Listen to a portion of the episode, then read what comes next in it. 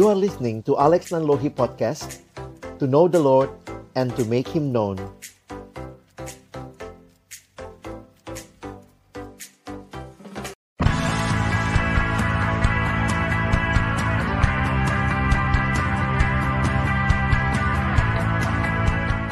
Shalom, selamat malam uh, para uh, penonton dari Bara Digital Ministry. Hari ini kita akan sama-sama melihat satu tema yang menarik di dalam hidup beriman kita. Enjoy God's presence in our steps forward. Saya ingin mengajak kita sama-sama merenungkan satu bagian firman Tuhan. Kalau kita lihat dari gambarnya, mungkin Bapak Ibu Saudara sudah bisa menebak peristiwa Yesus bersama dengan para murid ketika mereka ada di dalam perahu dan angin ribut diredakan. Injil sinoptik Matius, Markus, dan Lukas menuliskan kisah ini.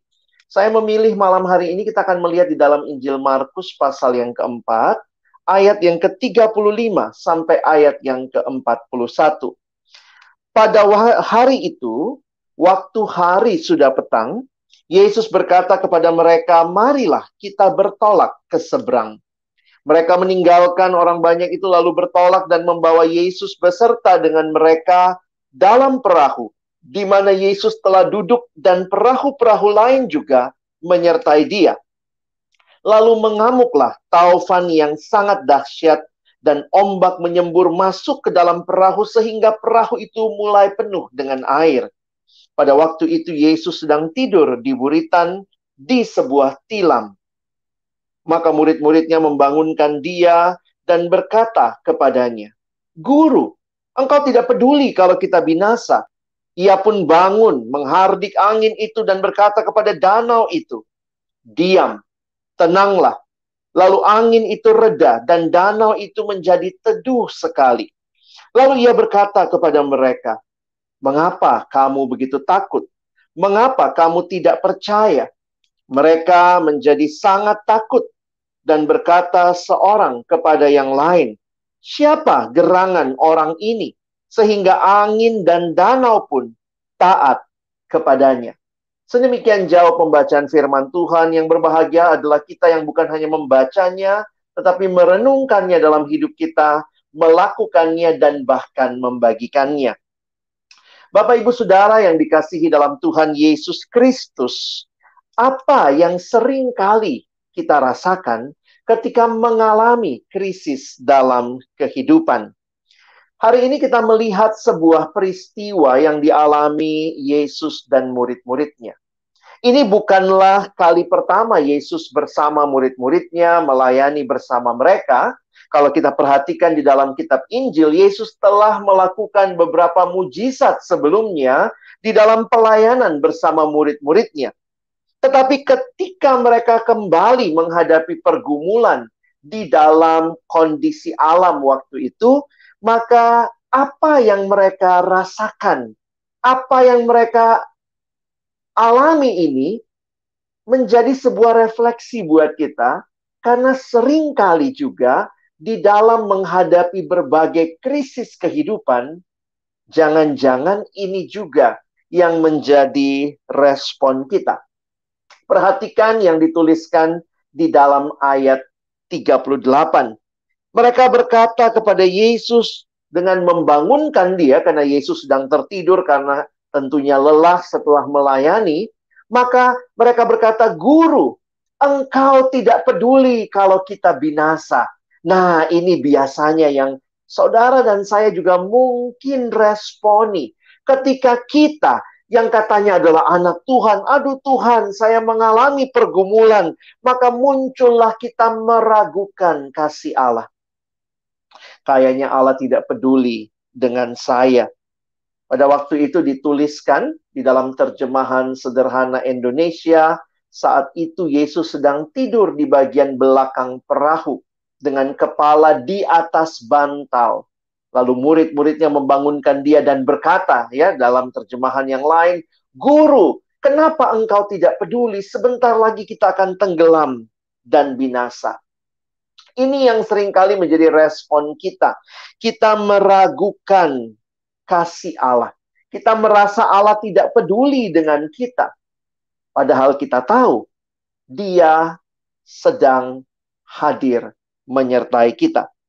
Lalu kemudian dari apa yang kita perhatikan menjadi jawaban Yesus kepada muridnya, maka ini hal kedua yang bisa kita perhatikan, mereka merasa ketakutan.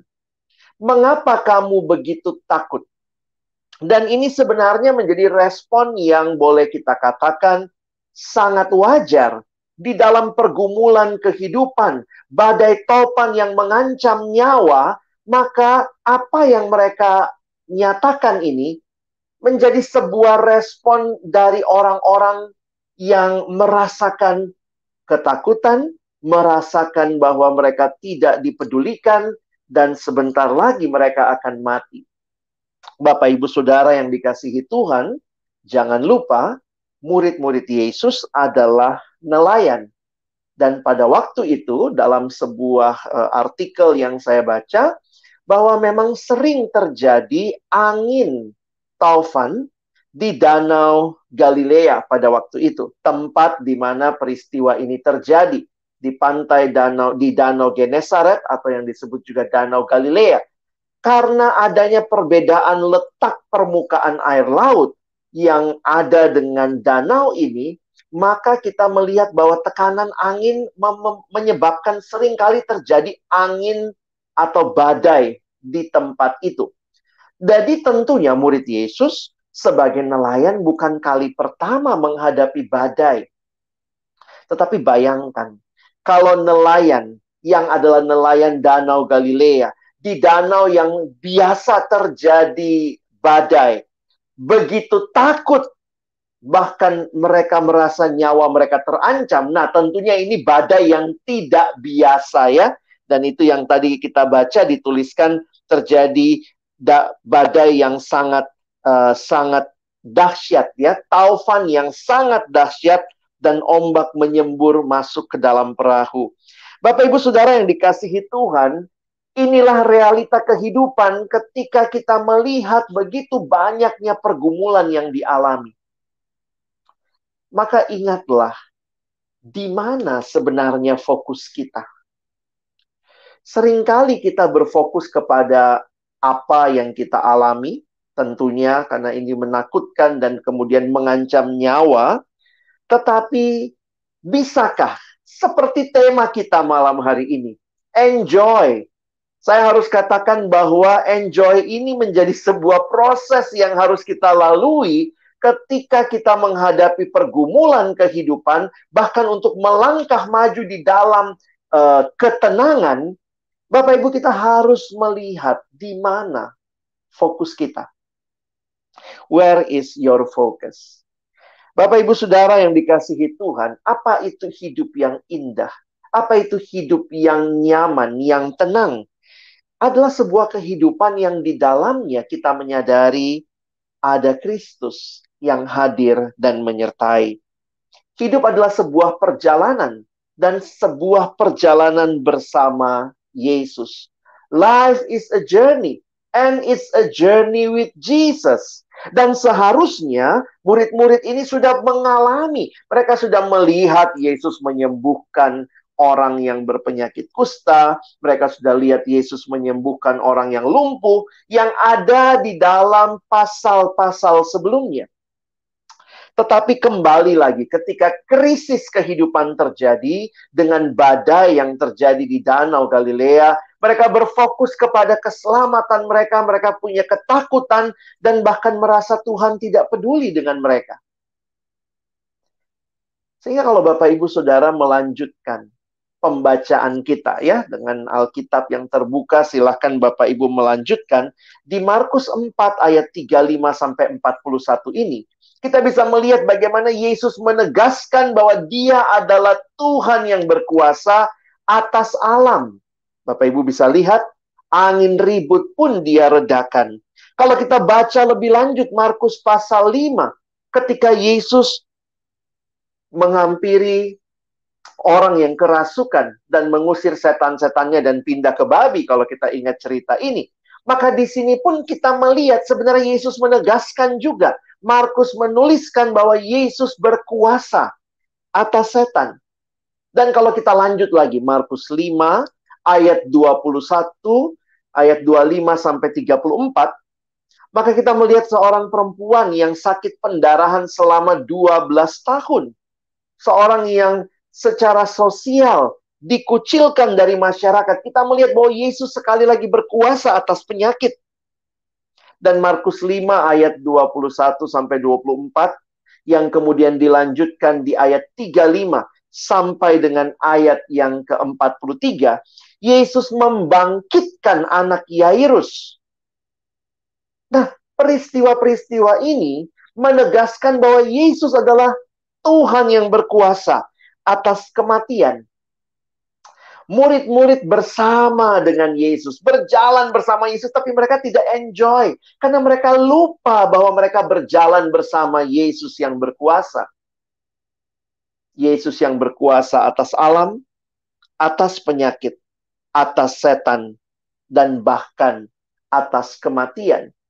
Sehingga untuk mengalami tema kita malam malam hari ini Bapak Ibu Saudara sekalian, pertanyaan saya bagaimana perjalanan saudara bersama Yesus seharusnya mengubahkan hidup kita. Makin kita berfokus kepada Yesus, kita makin kenal Dia, kita makin percaya kepada Dia dan kita bisa dengan berani dengan tenang melangkah maju dalam pergumulan kehidupan. Situasi pandemi yang kita alami, yang saat ini kita syukuri tentunya sudah semakin mereda, tetapi juga kita tetap harus waspada. Membuat banyak orang bertanya-tanya, bagaimana saya melangkah ke depan? Kita punya ketakutan akan masa depan yang seperti apa. Melalui kisah yang kita baca hari ini, ada beberapa prinsip yang saya ingin bagikan bagi kita. Ingatlah bahwa Tuhan tidak pernah berjanji bahwa umatnya tidak mengalami pergumulan. God never promises that we will never face problems. Tuhan tidak pernah janji bahwa dia akan membuat kita tidak punya pergumulan. Tidak. Bukan itu yang Tuhan janjikan. Kita ada di dalam dunia yang sudah jatuh dalam dosa sehingga pergumulan menjadi bagian kehidupan kita. Tetapi apa yang Tuhan janjikan? Yang dia janjikan adalah dia menyertai kita. God walks with us in our struggles. Tuhan berjalan bersama kita, dia hadir bagi kita. Sehingga Bapak Ibu Saudara yang dikasihi Tuhan, ingat ada Yesus di dalam perahu, tetapi badai tetap terjadi. Karena badai memang sering terjadi di Danau Galilea, tetapi murid-murid harus belajar percaya. Mereka bersama Yesus yang menguasai hidup dan mati. Dia Yesus yang bahkan bisa membangkitkan orang mati. Apakah berarti kita jadi anak Tuhan tidak ada pergumulan? Tidak kena sakit? Ada juga anak Tuhan kok yang kena COVID? Ada juga anak Tuhan yang mengalami pergumulan sehingga ini menegaskan kepada kita enjoy-nya kita, tenangnya kita menjalani kehidupan bukan karena tidak ada pergumulan, tetapi karena ada Tuhan yang menyertai kita. Itu yang membuat kita bisa enjoy untuk melangkah ke depan. Seringkali kita berpikir bahwa masalah yang datang bertubi-tubi menjadi bukti Allah tidak hadir. Tuhan di manakah engkau? Saya alami ini, saya alami itu. Perhatikan kutipan menarik ini. The presence of your problem doesn't mean the absence of God. Adanya pergumulan kita bukan berarti tidak adanya Tuhan. Namun sesungguhnya dia senantiasa hadir karena dia Allah yang maha hadir. Bahkan saat kita tidak selagi sanggup menanggung beban yang ada dan penghiburan pun kita terima. Dari mana? dari mempercayai sifat-sifatnya. Bahwa dia Allah yang sungguh baik, dia Allah yang penuh kasih, dan dia Allah yang trustworthy. Dia Allah yang dapat dipercaya. Sehingga Bapak Ibu Saudara sekalian, ke mana pun kita pergi, di atas muka bumi ini, ingatlah, Allah ada di sana. Dia selalu hadir untuk menuntun, menguatkan, dan menghibur kita. Kita tidak dapat pergi ke tempat di mana dia tidak ada. Tidak ada tempat di mana Allah tidak ada. Kita tidak dapat melihatnya, memang begitu karena Allah adalah roh. Tetapi dia ada di mana-mana karena dia maha hadir. Dalam pergumulan iman yang kita hadapi, alangkah indahnya mendengar bahwa Allah selalu menyertai kita. Bapak Ibu Saudara sekalian, ingatlah waktu Tuhan dan rencana Tuhan sering kali beda dengan waktu dan rencana kita. Mungkin Tuhan seolah diam, tapi ingat, bukan berarti ia tidak hadir. God's silence doesn't mean his absence. Karena itu Yesus menegaskan kepada murid, mengapa kamu tidak percaya? Yesus mau mereka percaya, belajar untuk percaya. Maka malam hari ini, bagaimana saudara bisa enjoy melangkah? Percaya bahwa ada Allah yang hadir menyertai hidup saudara dan saya. Kita ini orang Kristen disebut orang percaya. Tapi salah satu hal paling sulit yang kita lakukan adalah percaya itu sendiri ya. Ini sulit kita lakukan. Percaya bahwa Allah itu tahu, Allah itu sanggup memberikan apa yang terbaik yang kita butuhkan.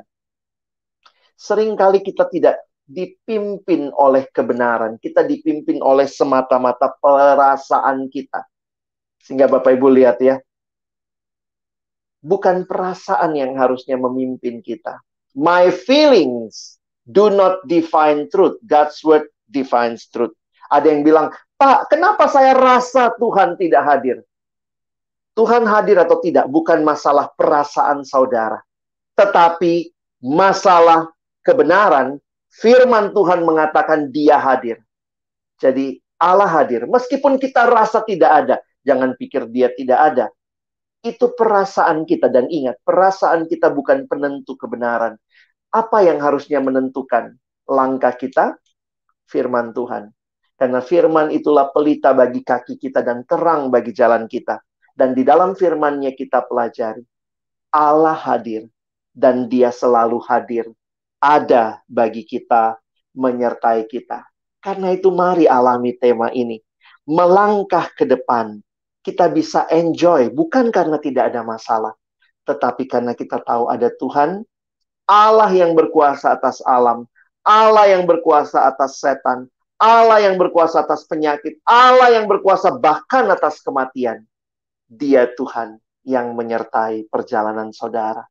Melangkahlah ke depan dengan kekuatan bersandar kepada Tuhan.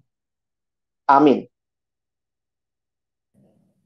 Terima kasih Pendeta Alex firman Tuhan yang sangat memberkati kita sekalian. Saya percaya juga setiap para pemirsa jemaat Tuhan yang mendengarkan yang mengikuti Bara Digital Ministry malam hari ini khususnya sangat diberkati ya melalui penjelasan dari Bapak Pendeta Alexander. Saya secara pribadi diingatkan kembali, dikuatkan kembali melalui penjelasan dari Pendeta Alexander. Dan malam hari ini ada uh, satu pertanyaan yang masuk demikian Pendeta. Yeah. Uh, mengapa kita sering meragukan? Tadi memang sudah dijelaskan bahwa iya, uh, iya. kasih Tuhan, pertolongan Tuhan selalu ada bersama dengan setiap kita orang yang ada di dalam Tuhan tentunya. Tapi ini iya. tentu yang bertanya ini pun pasti anak Tuhan. Mengapa kita sering meragukan pertolongan Tuhan ketika hmm. dalam situasi seperti ini, Pak Alex? Padahal iya. kita tahu benar bahwa Tuhan ada, Tuhan selalu bersama dengan kita, Tuhan berjalan bersama kita, tapi tetap aja meragukan pertolongan Tuhan. Iya. Tolong Pak Pendeta Alex boleh dikasih pencerahan supaya yang bertanya juga diingatkan malam hari ini. Silakan.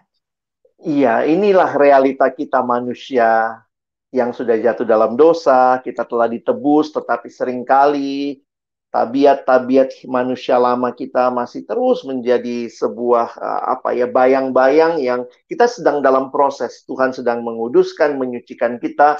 Karena itu kita perlu terus diingatkan. Saya pikir jangan berpikir bahwa kalau sekali saya percaya sama Tuhan maka kalau ada pergumulan lagi saya pasti menang. Di sini kita butuh bergantung kepada Tuhan. Mengikut Yesus Yesus sendiri mengatakan ikutlah aku setiap hari jadi sangkal diri, pikul salib, ikut aku setiap hari. Nah, ini menolong kita juga untuk memahami bahwa ya Bapak Ibu Saudara dan saya kita butuh terus bertumbuh dalam Tuhan ya. Nah, mungkin yang saya mau garis bawahi yang sebenarnya saya tegaskan di akhir tadi. Untuk itulah kita butuh firman Tuhan menuntun hidup kita. Jangan andalkan perasaan. Perasaan itu naik turun soalnya. Hari ini kayaknya kalau ada berkat kita rasa Tuhan dekat. Besok ada pergumulan kita rasa Tuhan jauh. Apakah Tuhan kayak layangan kadang dekat, kalau ditarik kadang jauh, kalau dilepas. Tuhan bukan layangan. Dari mana saya tahu dia hadir? Dia dekat. Itu dari firman. Karena perasaan kita bukan penentu kebenaran manusia sudah jatuh dalam dosa, termasuk perasaan kita sudah tercemar. Sehingga jangan percaya perasaan kita, tapi peganglah firman Tuhan. Sehingga ketika Bapak Ibu Saudara merasa, aduh kok saya ragukan Tuhan lagi, kiranya firman itulah yang menghibur kita. Karena itu memilikilah kebiasaan membaca, merenungkan firman Tuhan setiap hari. Dan juga kita butuh komunitas, Bu. Kadang-kadang kan gitu ya, kalau lagi punya pergumulan, suka rasanya jauh dari Tuhan, eh narik diri juga dari komunitas. Rasanya, aduh saya ini orang yang paling menderita, saya sendiri. Mari kita datang kepada anak-anak Tuhan yang lain. Kita mungkin punya teman-teman di gereja, punya teman-teman komunitas dalam kelompok-kelompok kecil. Mari kita berbagi dan di situlah kita seperti yang di firman Tuhan katakan ya, saling menguatkan, saling mengingatkan. Kita ini makhluk pelupa lah ya, udah jatuh dalam dosa pelupa lagi ya. Lupa bahwa Tuhan hadir dan Tuhan selalu menyertai kita. Nah, kita butuh diingatkan dalam firman, diingatkan dalam komunitas juga. Mungkin itu, Bu. Oke, terima kasih Pendeta Alex. Tadi. Bapak menyampaikan bahwa uh, sangat penting sekali kita ini bergantung pada Tuhan ya. Dan ya. Uh, ada pertanyaan yang melanjutkan dari uh, jawaban ini dari saudari atau ibu Rose Mary. Mohon maaf kalau salah menyebutkan nama. Pak, apakah ada tips supaya bisa nih mengutamakan? Nah, tadi Bapak bilang ber bergantung penuh pada Tuhan. Nah, tipsnya ya. sekarang Pak, tolong dibantu menyampaikannya. Silakan. Wah ya, kalau hidup rohani itu mengutamakan itu kalau saya menghayatinya sederhana sebenarnya Bu ya. Bahwa di dalam segala hal yang kita lakukan, maka kita men, kita belajar me, me, bertanya, bergantung dan saya pikir di sinilah kehidupan rohani itu ya itulah satu bagian uh, apa ya refleksi kita dalam aktivitas yang kita lakukan ya misalnya tentu membaca firman Tuhan, kita berdoa, mengutamakan Tuhan itu bukan sekadar masalah simbol menurut saya. Jadi, oh, saya mengutamakan Tuhan nih Pak, lihat nih foto Yesus besar sekali di dompet saya, HP saya layarnya Yesus. Jangan cuma seperti itu ya, itu bisa untuk mengingatkan simbol-simbol seperti itu. Tapi yang paling utama, hidup kita benar-benar mencari kehendak Tuhan apakah di dalam kita berdoa. Saya banyak membimbing anak SMA, anak sekolah, SMP, SMA. Lalu sering kali anak-anak tuh ngomong gini, aduh Kak Alex, saya nggak tahu nih Tuhan punya rencana apa buat hidup saya. Dia ngomongnya begitu. Aduh saya nggak tahu nih Tuhan punya rencana apa. Aduh Tuhan mau apa? Tuhan mau saya masuk mana? Uh, ngomongnya tuh Tuhan, Tuhan, Tuhan, Tuhan. Terus saya tanya sama mereka. Oh gitu ya. Eh, kamu ngomong-ngomong rajin baca Alkitab nggak? Ah itulah kak, saya lagi sibuk banget ini. Banyak orang bilang mau tahu kehendak Tuhan, tapi baca Alkitab aja nggak mau. Tak mau tahu dari mana. Jadi di situlah yang saya katakan kepada kita tadi, kita butuh firman, kita butuh komunitas. Ini menjadi kesempatan kita untuk benar-benar bergantung sama Tuhan, mengutamakan Tuhan, mencari tahu kehendak Tuhan. Jadi jangan cuma simbol-simbol dan bila bicaranya rohani, tapi sungguhkah kita memang minta petunjuk Tuhan dalam hal-hal kita, dalam hal sederhana dalam kehidupan kita. Oke, terima kasih Pendeta Alex untuk uh, ya. firman Tuhannya. Uh, saudari atau ibu daripada Rosemary, semoga uh, terjawab ya uh, penting sekali bahwa tadi ditekankan bagaimana kita tahu bahwa uh, uh, bahwa kita tahu ada Tuhan ya balik lagi adakah kita mau menyediakan waktu untuk mencari tahu dan membaca firman Tuhan. Uh, terima kasih banget ya Pendeta Alex Sama-sama. untuk uh, uh, ada juga yang bertanya saya akan melanjutkan dari ya. saudari atau ibu Siska Kurniawati ya dari uh, YouTube tolong ditampilkan ya. Terima kasih. Selamat malam Pak. Izin bertanya, apakah permasalahan yang kita hadapi bisa di luar kemampuan kita untuk menanggungnya? Uh, Pendeta Alex okay. boleh dijawab silakan. Ya, banyak ayat-ayat firman Tuhan yang mengingatkan kepada kita bahwa Tuhan hadir. Dan itu menolong kita menghayati dia menyertai kita. Dan kalau Tuhan menyertai, saya saya meyakininya begini bahwa tidak ada pergumulan sebenarnya di luar kapasitas kita. Nah, tetapi di sisi lain saya juga lihat begini, jangan lupa ada ayat juga yang berkata misalnya ya di dalam kitab Galatia, saya coba bacakan buat kita. Galatia pasal yang ke-6 di dalam Galatia pasal yang ke-6 ayat yang kedua, bertolong-tolonganlah menanggung bebanmu. Demikianlah kamu memenuhi hukum Kristus. Kadang-kadang kita berpikir begini, karena tidak ada masalah melebihi kekuatan saya, maka kita pun merasa kita sanggup melewati itu dan Tuhan tidak akan memberikan melampaui kemampuan kita. Tetapi ayat seperti ini, bertolong-tolonganlah menanggung bebanmu, menunjukkan bahwa sering kali Tuhan juga izinkan pergumulan itu mungkin kalau kita sendiri yang nanggung tuh nggak bisa. Sehingga kita butuh orang lain untuk berbagi. Sehingga kalau saya akhirnya menghayatinya begini, Tuhan pasti menolong kita. Tetapi caranya kita mesti punya hikmat juga, kita mesti lihat juga jangan-jangan kita perlu untuk berbagi, kita perlu untuk sharing, kita perlu untuk minta didoakan sehingga Tuhan bisa menggunakan berbagai cara menolong kita melewati berbagai beban kehidupan. Jadi saya sangat yakin tuh pasti Tuhan akan memberikan jalan keluar kan itu janjinya ya kepada kita umatnya tetapi caranya jangan jangan merasa selalu superman saya bisa keluar sendiri karena Tuhan kan janji jangan-jangan Tuhan suruh Bapak Ibu Saudara juga untuk share sama yang lain untuk menggenapi Galatia 6 ayat 2 Oke, terima kasih Pendeta Albert untuk jawaban kepada Ibu atau Saudari Siska Kurniawati. Semoga menjawab ya Bu. Oke, satu lagi pertanyaan yang ya. terakhir ya. nih ya Pendeta Albert ya. Malam hari ini dari uh, Berita Baik. Halo Berita Baik. Oke, saya akan ya ditampilkan. Mau tanya, bagaimana mengetahui apa yang kita rencanakan ada dalam rencana Tuhan, Pak? Apakah cukup hanya sekedar berdoa? Silakan Pendeta Albert. Ya, ini balik lagi yang tadi saya katakan ya, bahwa Tuhan menuntun kita yang pertama dan terutama, sebenarnya ada tiga hal ya, kalau Bapak Ibu perhatikan, sering kali saya ulang kalau siaran bara ini.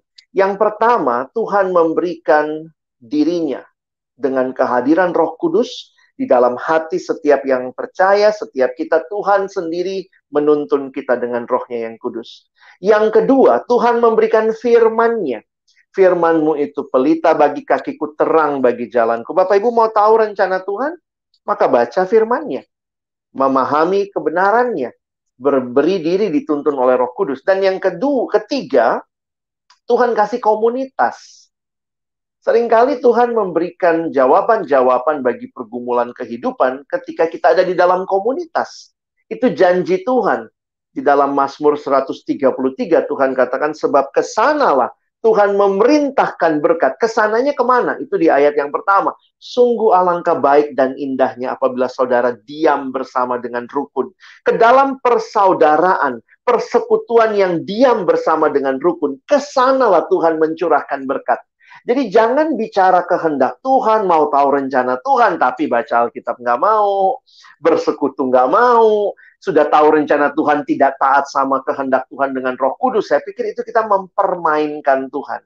Sehingga Bapak Ibu Saudara, mari ya kita membangun diri untuk hidup dalam rencana Tuhan dengan cara menggunakan semua hal yang sudah Tuhan berikan. Roh kudusnya, dirinya sendiri, firmannya, dan juga komunitas supaya kita makin mengerti apa yang menjadi kehendaknya. Terima kasih Pendeta Alex untuk jawaban yang Sama-sama. sangat luar biasa malam hari ini.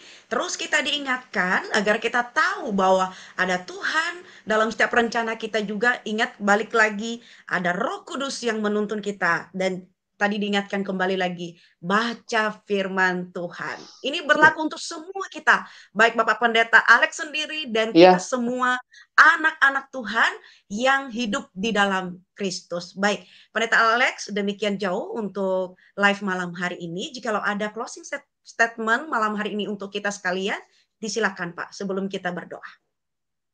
Saya kembali mengingatkan bahwa Tuhan hadir dan tidak meninggalkan kita. Karena itu, berilah diri Bapak Ibu Saudara, percaya kepadanya, dan melangkah maju dengan kekuatan yang daripadanya. Ingatlah, dia hadir dan dia menyertai kita. Amin. Terima kasih Pendeta Alex untuk closing statement malam hari ini dan mohon kesediaannya untuk berdoa. Doakan saudara kita banyak yang memberikan respons. Puji Tuhan, Yesus, amin. Terima kasih jawabannya, terima kasih semua. Terima kasih firman Tuhannya Bapak Pendeta. Banyak yang mengucapkan terima kasih dan saya percaya mereka diberkati melalui pelayanan Bapak Pendeta malam hari ini. Silakan pimpin doa, Pak. Terima kasih. Baik, mari Bapak Ibu Saudara kita bersatu di dalam doa. Kami hadir di dalam hadiratmu hari ini karena sungguh Engkau Allah yang hadir juga menyertai, memimpin hidup kami tanpa absen sekalipun. Tuhan ampuni kami yang sering kali meragukan kasih-Mu. Seringkali meragukan kehadiran-Mu. Kami merasa Tuhan meninggalkan kami. Tuhan tidak peduli dengan kami. Tetapi kembali hari ini, kami fokus kepada Tuhan. Karena Engkau Allah Immanuel yang menyertai kami senantiasa. Dan itulah yang menjadi keyakinan kami untuk melangkah maju. Bahkan di tengah-tengah berbagai pergumulan kehidupan, kami diingatkan untuk tidak berhenti, terus-menerus bergantung kepada Tuhan. Tuhan yang hadir memberikan rohmu yang kudus menuntun kami. Memberikan firmanmu sebagai pelita bagi kaki kami. Memberikan komunitas sebagai keluarga baru yang boleh bersama-sama bertumbuh. Kami sungguh rindu ya Tuhan.